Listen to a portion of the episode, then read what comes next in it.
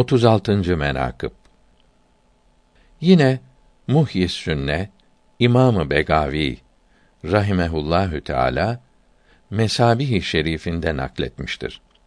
Hazreti Ebu Hureyre'nin radıyallahu teala an rivayet ettiği hadisi şerifte Resulullah sallallahu teala aleyhi ve sellem hazretleri buyurdular. Bize her nimeti veren ve iyilik eden kimseye karşılığını verdik. Ebu Bekir'in iyilik ve ikramının karşılığını veremedik. Hak Sübhanehu ve Teala Hazretleri kıyamette ona karşılığını verir. Ebu Bekir'in malının faide verdiği gibi bir kimsenin malı bana faide vermedi.